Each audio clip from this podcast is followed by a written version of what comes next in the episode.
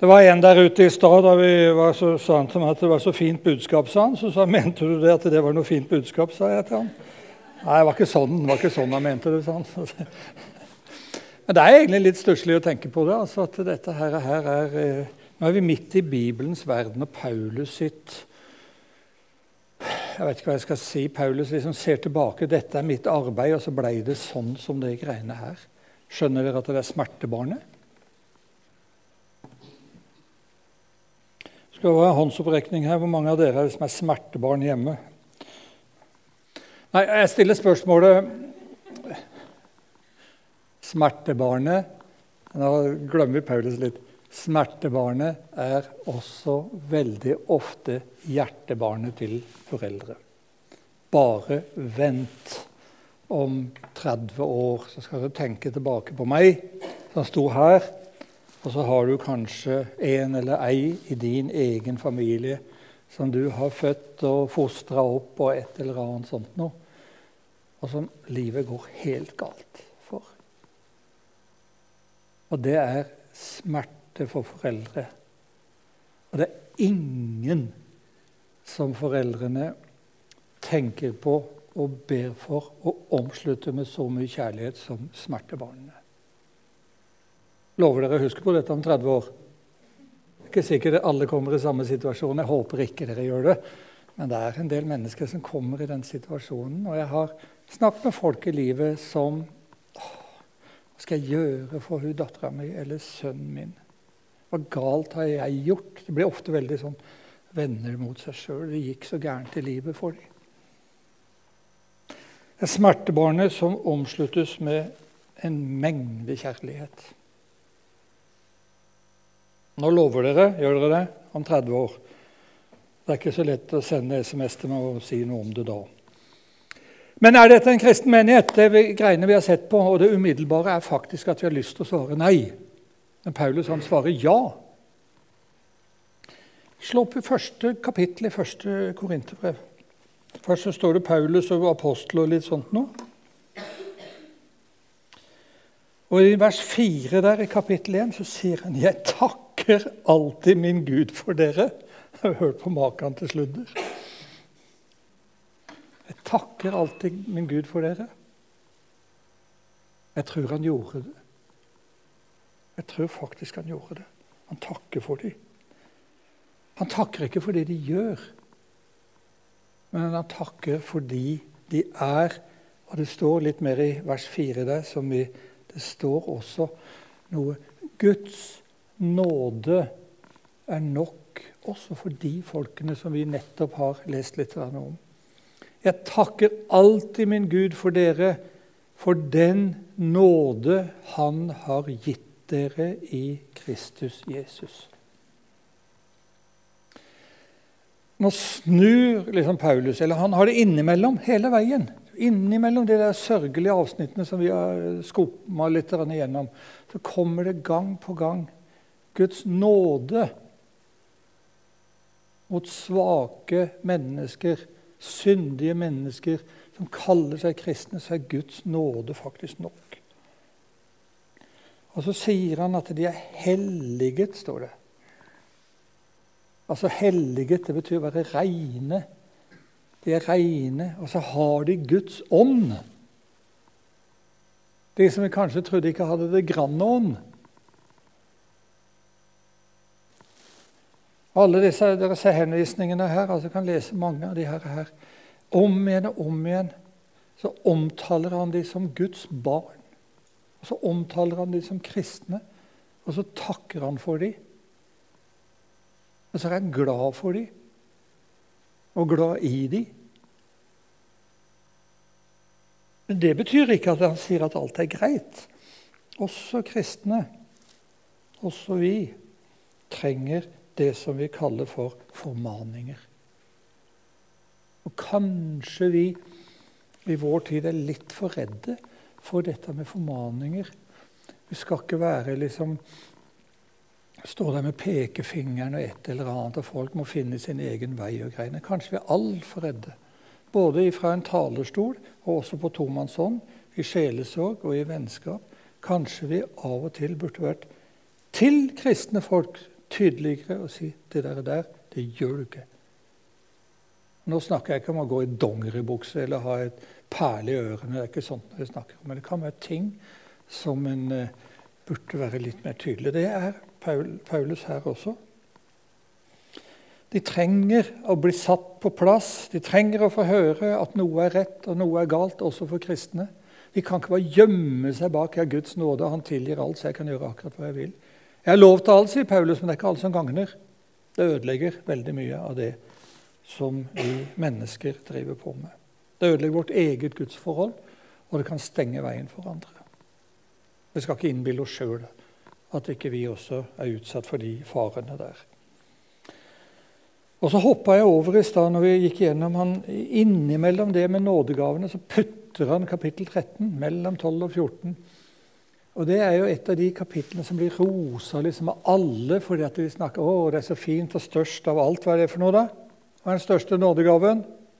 Størst av alt er kjærligheten, avslutter han med. Å, det er så fint med kjærligheten. Og så er det bare greit, alle sammen, tror folk. Det er ikke det han snakker om her. Han snakker i kapittel, men han sier den ekte kjærligheten. Ikke forelskelse, ikke den fysiske kjærligheten. Han bruker ordet agape. Det er en ting, kan jeg ta en liten parentes, som er vondt i vår tid. Det er når Bibelen snakker om kjærlighet, så kan en ikke i dagens norske samfunn bruke det ordet som egentlig står i Bibelen. Det står en plass i evangeliet, Johannes evangeliet, kapittel 11. Så står det om Husker dere de søsknene Martha, Maria og Lasarus? Og så står det 'Jesus elsket Martha'. står det. Hva blir det hvis de oversetter det i dag? Da har du hele tabloidopplegget med at han hadde sikkert unger med henne og alt det der greiene der. Og sånn som Maria Magdalena, som tok med seg flytta til Frankrike og fikk unger med henne og greier. Så tolker de det greiene der. Men det står 'Jesus elsket Martha'. Vet du hva de sier for noe i dag? i den Bibelen jeg har her. Jesus var glad i Martha. Jeg ble liksom ikke fjerdedelen engang. Altså, Jesus var glad i Martha var glad i hvem som helst. Han var glad i alle. Ja, han var så glad i alle sammen. For en kan ikke, Samfunnet vårt er blitt sånn at du kan ikke bruke de bibelske ordene. Altså, for det blir bare tolka feil. Det var parentes slutt. Sånn, nå går vi videre. Men hvordan, og det som er spørsmålet Hvordan kan Paulus takke Gud for en sånn menighet. Og Det er fordi han ser noe som vi veldig ofte ikke ser. Tenk om, sier jeg. Nå kan du tenke på deg. Jeg har mer enn nok med meg sjøl. Tenk om Gud skulle dømme meg etter mine gjerninger. Og nå snakker vi ikke om at jeg har slått i hjel så mange folk eller rana så mange banker eller ligger med så mange damer eller alt det der greiene der. Det er ikke det som Men gå litt inn i deg sjøl. En del av de fallene du har Jeg tror mange av dere har det. Jeg har det. Og så skjuler vi det. Vi skjuler det for alle mennesker. Jeg har noe i mitt liv som ikke jeg vil at noen skal få vite om. Et sånn hemmelig rom som bare er mitt, og som ikke er noe, egentlig ikke noe godt. Tanker, ord og gjerninger, sier kirkebønnen og en del sånne ting. Og så har vi det så mange av oss. Tenk om Gud skulle dømme meg etter mine tanker.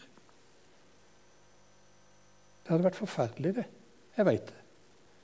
Og jeg tror kanskje, hvis dere er ærlige med dere sjøl, så er det en tre-fire her også som ville sitte og si at da hadde det gått gærent med meg også. Og Det veit Paulus, og det han tar tak i det. De som jeg nettopp har sagt 'hjelpe meg' for en gjeng i den menigheten. Og Så sier Paulus ja, det er rett det. Hvis en skulle dømme etter det de gjorde, så hadde det vært ute med hele de. Det var det fariseerne gjorde. Og det de gjorde. De dømte folk etter gjerningene. Og mange ganger om dagen du ba og mye du ga til fattige, og hvordan du ditt og hvordan du datt osv. Så, videre, så dømte de folk etter det. Og Jesus som spiste og helbreda på en sabbat, han ble jo sendt av gårde som en forferdelig som ikke levde sånn som han skulle. Og Det kan være kristne fariseere også som driver på med og dømmer oss etter våre gjerninger. det som er for, veldig viktig for oss mennesker, både vi som bekjenner oss som kristne, og også faktisk for de som ikke er det, men kanskje har tenkt å bli det, eller muligens lurer på Vi må få fokus vekk ifra oss sjøl. Så lenge du glor inni deg sjøl, så finner du ikke noe som kvalifiserer til å være et Guds barn. Det gjorde heller ikke de her oppe på veggen. Ingenting. Ingenting var det hos de som kvalifiserte de til å være Guds barn når de kikker innover i seg sjøl. Og i kapittel 6 Og dere som nå har Bibelen, nå kan dere godt slå opp vers 11. Jeg tror ikke jeg skrev det her, men det er kapittel 6, vers 11.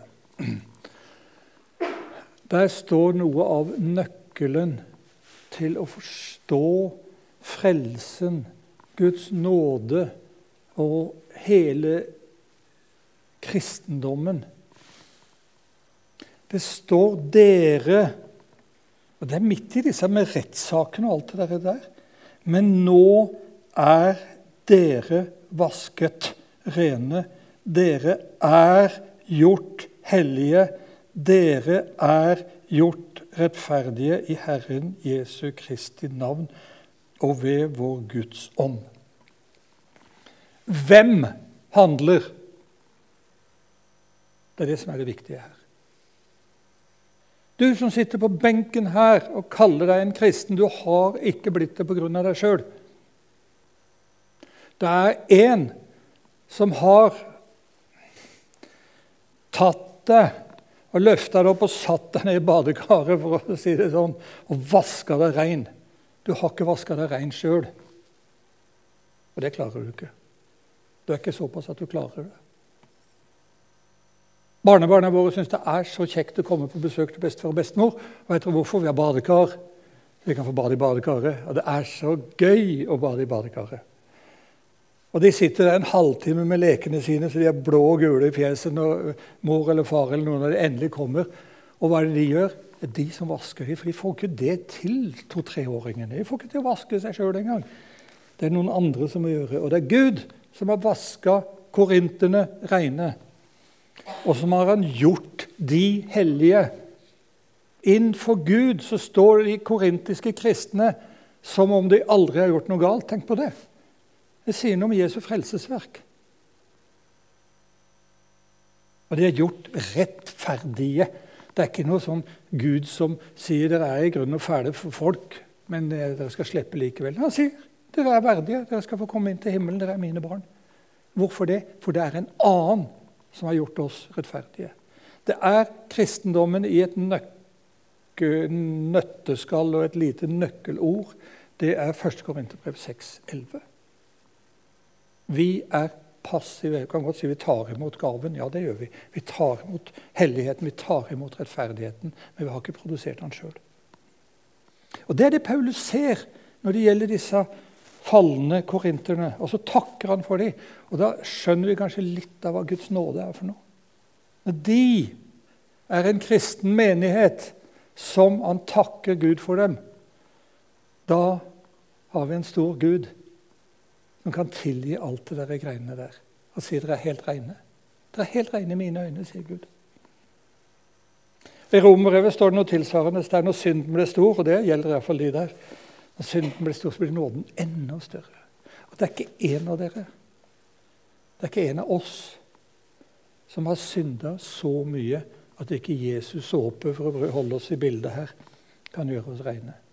Det er ingen av oss som er så ille. Det ville nok en lekpredikant sagt at det var Jesu blod, og det er det det er. Og nå holder jeg meg det å bli vaska reine her. Dette er evangeliet, og det gjaldt også for de. Det var nok i Korint, og det er nok her hos oss også. Så er Paulus på vei til Korint etter et langt opphold i Efesus. Nå skal han dit. Han har sendt første korinterbrev. Og han har ikke bare sendt det, han har sendt et par andre. Han har til og med vært på et ukjent besøk, et besøk vi ikke veit noe om. Det står om det andre korinterbrevet at han har vært en gang som et eller annet. Og så har han sendt ryddeguttene sine på forhånd. Han har sendt ryddeguttene Timotus og Titus før han kommer. Han har sendt brevet, og han har sendt folk dit, og han har sendt de beste guttene han har, til å reise til Korint. Nå får dere rydde opp. Og jeg skal komme om noen måneder, eller et eller annet sånt, og så kommer jeg. Og så er han på vei. Og nå er han i nord i Hellas, oppe i Makedonia. Og så, hva er det som har skjedd? Jo, Timotus har vært der før, og Titus har vært der etterpå. Og nå har Titus kommet tilbake og møtt Paulus oppe i nord, der oppe i Makedonia. Og Titus er kjempeglad. Han er kjempeglad. Det har lykkes. Den oppgaven Titus hadde fått, å gå inn i det der vepsebordet der nede og prøve å få rydda opp i tingene og I kapittel 7, flere steder i kapittel 8 I første Korinterbrev er det Timotus det står om. Jeg skal sende Timotus til dere, sier han. Og så har de guttene klart å gå inn i problemene og rydde opp. Og jeg har mange ganger i mitt liv altså jeg har sagt de viktigste folkene det er ikke prester og predikanter, men det er ryddeguttene. Som kan gå inn i menigheter og bygge broer, få kanskje et oppgjør med bekjennelse og tilgivelse et oppgjør mellom folk og de som kan. For vi er mennesker, vi, og vi er ikke til grandebøt med de der folkene der. Og så noen som kan gå inn og kunne noen av dere bli noen ryddegutter eller -jenter, så tror jeg den største oppgaven nesten i den kristne menighet. Dere får ikke så mye ære, får ikke så mye berømmelse, men det er kanskje noe av det viktigste. Og så har han sendt de her to i parentes igjen. Timotus og Titus. Dere vet Jeg har fått brev, Paulus har skrevet brev til dem. Da var Timotus i Efesus for å rydde opp. Dette senere. Og Titus han var på Kreta for å rydde opp. står det. Det var vanskeligheter der òg. Og så sender Paulus de to guttene. Og så sender han de av gårde for å rydde opp. Åh, Det er ikke noen som kan si det. Jeg skal be Jesus om jeg kan bli en ryddegutt. Kunne dere gjort det? Og jentene, så har dere gjort den største velgjerning. Altså. Det er nok av trøbbel i vår tid også. De har lykkes, og de er glade. Han skriver det om igjen og om igjen. Herr Paulus og Titus er kommet tilbake. Han er så glad, sier han. For det, det, har det, har lykkes, det som han skulle drive til med. Det som han skulle gjøre der nede. Og så På reisen gjennom Det snakket vi litt om sist gang. da vi snakket om Eh, menigheten i Filippi, den store pengeinnsamlingen til de fattige i Jerusalem. Og så skriver Paulus litt om det også. at han, eh, Husk på det også, skriver han i andre Korinterbrev, at når jeg kommer til dere, så håper jeg at, at dere har samla inn penger til de hellige. Så er det, fortsatt noen, det er fortsatt noen problemer. Vi skal ikke se bort fra det. Det vil alltid være noen problemer. Noen. Også i andre Korinterbrev står det men det står det er noen som lager bråk og taler nedsettende om Paulus. Og sier han er ikke noen ordentlig apostel. Det ser jeg for meg. Det er kanskje de der Peter-tilhengerne eller et eller annet sånt. Som øh, øh, er ikke god nok, Paulus. Er ikke god nok. Ja da, det er noe greier der. Det er det. En tror kanskje at det er det som jeg kaller judaistene. Det er de som også mener at også kristne, sjøl om de kaller seg for kristne, at de mener de må følge Moseloven. De må følge Moseloven. De må følge Moseloven. Det er det det hadde vært bråk om før. Og så er det noen som kaller seg sjøl apostler. Og jeg svetter litt når jeg ser på enkelte TV-kanaler når folk utpeker seg sjøl som apostler. Vær litt forsiktig med det. Apostel betyr ikke mer enn utsending. Det gjør ikke det. Men uh, i den sammenhengen så føles det litt som at en løfter seg sjøl opp. At det jeg sier, det er ikke, da er det nesten så Gud taler direkte gjennom meg. Vær litt forsiktig med de folkene der. Kanskje de gjør det, ikke alltid, tror jeg. Og Det var det i Korinto. Det var fortsatt en del som påtok seg, eller tillot seg, å si at de hadde en spesiell autoritet fordi Gud talte direkte gjennom dem. Jeg tror det er litt farlig. Det kan misbrukes veldig lett. Han advarer mot de folkene der. Og så ble han tre måneder i Korinter denne gangen. her. Og det er bedre. Det er noe problemet, men det meste av det, det meste av problemene har løst seg. De har bekjent, og de har fått tilgivelse. Og så blir det likevel en bra menighet i Korint. De gjør det. Og så har vi de to store brevene i første og andre korinterbrev. eh, der vi kan lese litt om det. Og så har vi Nå er jeg faktisk helt på slutten. Når Paulus er i Korint, han er tre måneder der, så skriver han et nytt brev. Ikke til Korint, for nå er han i Korint, men han skriver brev til romerne. Og hva er det Paulus vil? Han skriver det i romerbrevet. Nå er jeg ferdig her, sier han, i dette området. Og nå vil jeg til verdens ende.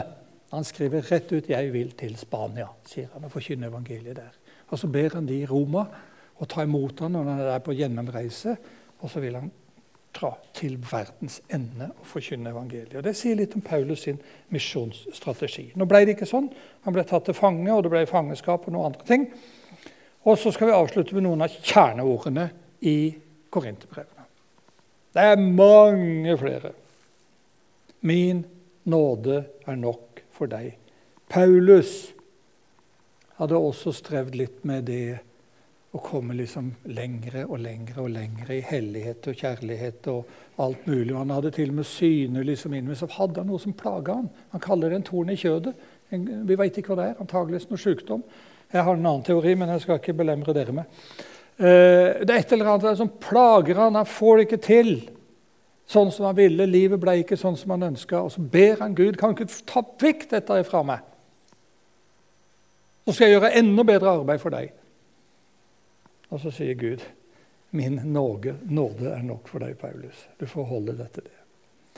Og så står det, det veldig mye, jeg kan ikke gå inn på det her nå, om nådegavene. Der vi er ett legeme, og så har vi forskjellig plass på det menighetslegemet. Og så skal vi aldri begynne å si at å, det er så mye viktigere enn det, og det er så mye viktigere enn det, og det er så mye viktigere enn det. Det er ikke vi de rette til å vurdere i det hele tatt. Alt hører med. Det nytter ikke bare hodet og ikke ha armer og bein, f.eks. Det hadde vært litt dårlig. Og i kapittel 13, der jeg først går inn til brev, nå ser vi som i et speil en gåte. Det kunne kanskje være godt for oss enkelte ganger å si det er ikke sikkert vi ser helt klart bestandig.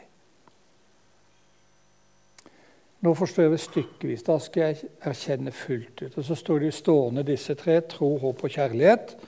Og så sier han at størst av kjærligheten, og så glemmer dere den der moderne kjærligheten. Nå er det noe helt annet. Og så er han innom med Gud elsker en glad giver. Og så skal vi ta det siste her. Den som er i Kristus. Hva med han? Jo, han er en ny skapning. Og så hopper jeg ned noen få vers. Han som ikke visste av synd, altså Jesus, har Gud gjort til synd for oss, for at vi i ham, i Jesus, skulle få Guds rettferdighet. Hva er det som står der? Han som levde det fullkomne livet, bytta plass med meg. Og så får vi Jesu liv og Jesu rettferdighet, og så tar han bort og så er vi Guds barn. Det er sagt til Korintmenigheten, og det er sagt til oss. Og da har jeg lyst til å si halleluja. Jeg. Men det tør jeg ikke Misjonssambandet. Kan ikke det her. Nei. Jeg kan si det likevel. Inni oss. Forsiktig. Halleluja. Kjære Jesus. Takk for at din nåde er nok, også for de i Korint, også for oss her i Misjonshuset i Kristiansand. Må du hjelpe oss å aldri gi slipp på nåden. Og så må du hjelpe oss å aldri misbruke nåden. Og så ber jeg for ungdommene her. Jeg ber om at du må bruke de, din tjeneste på forskjellige måter med de nådegavene du gir. Jeg ber om at de må få et rikt liv. Og jeg ber om at de må bli til velsignelse for mange. Amen.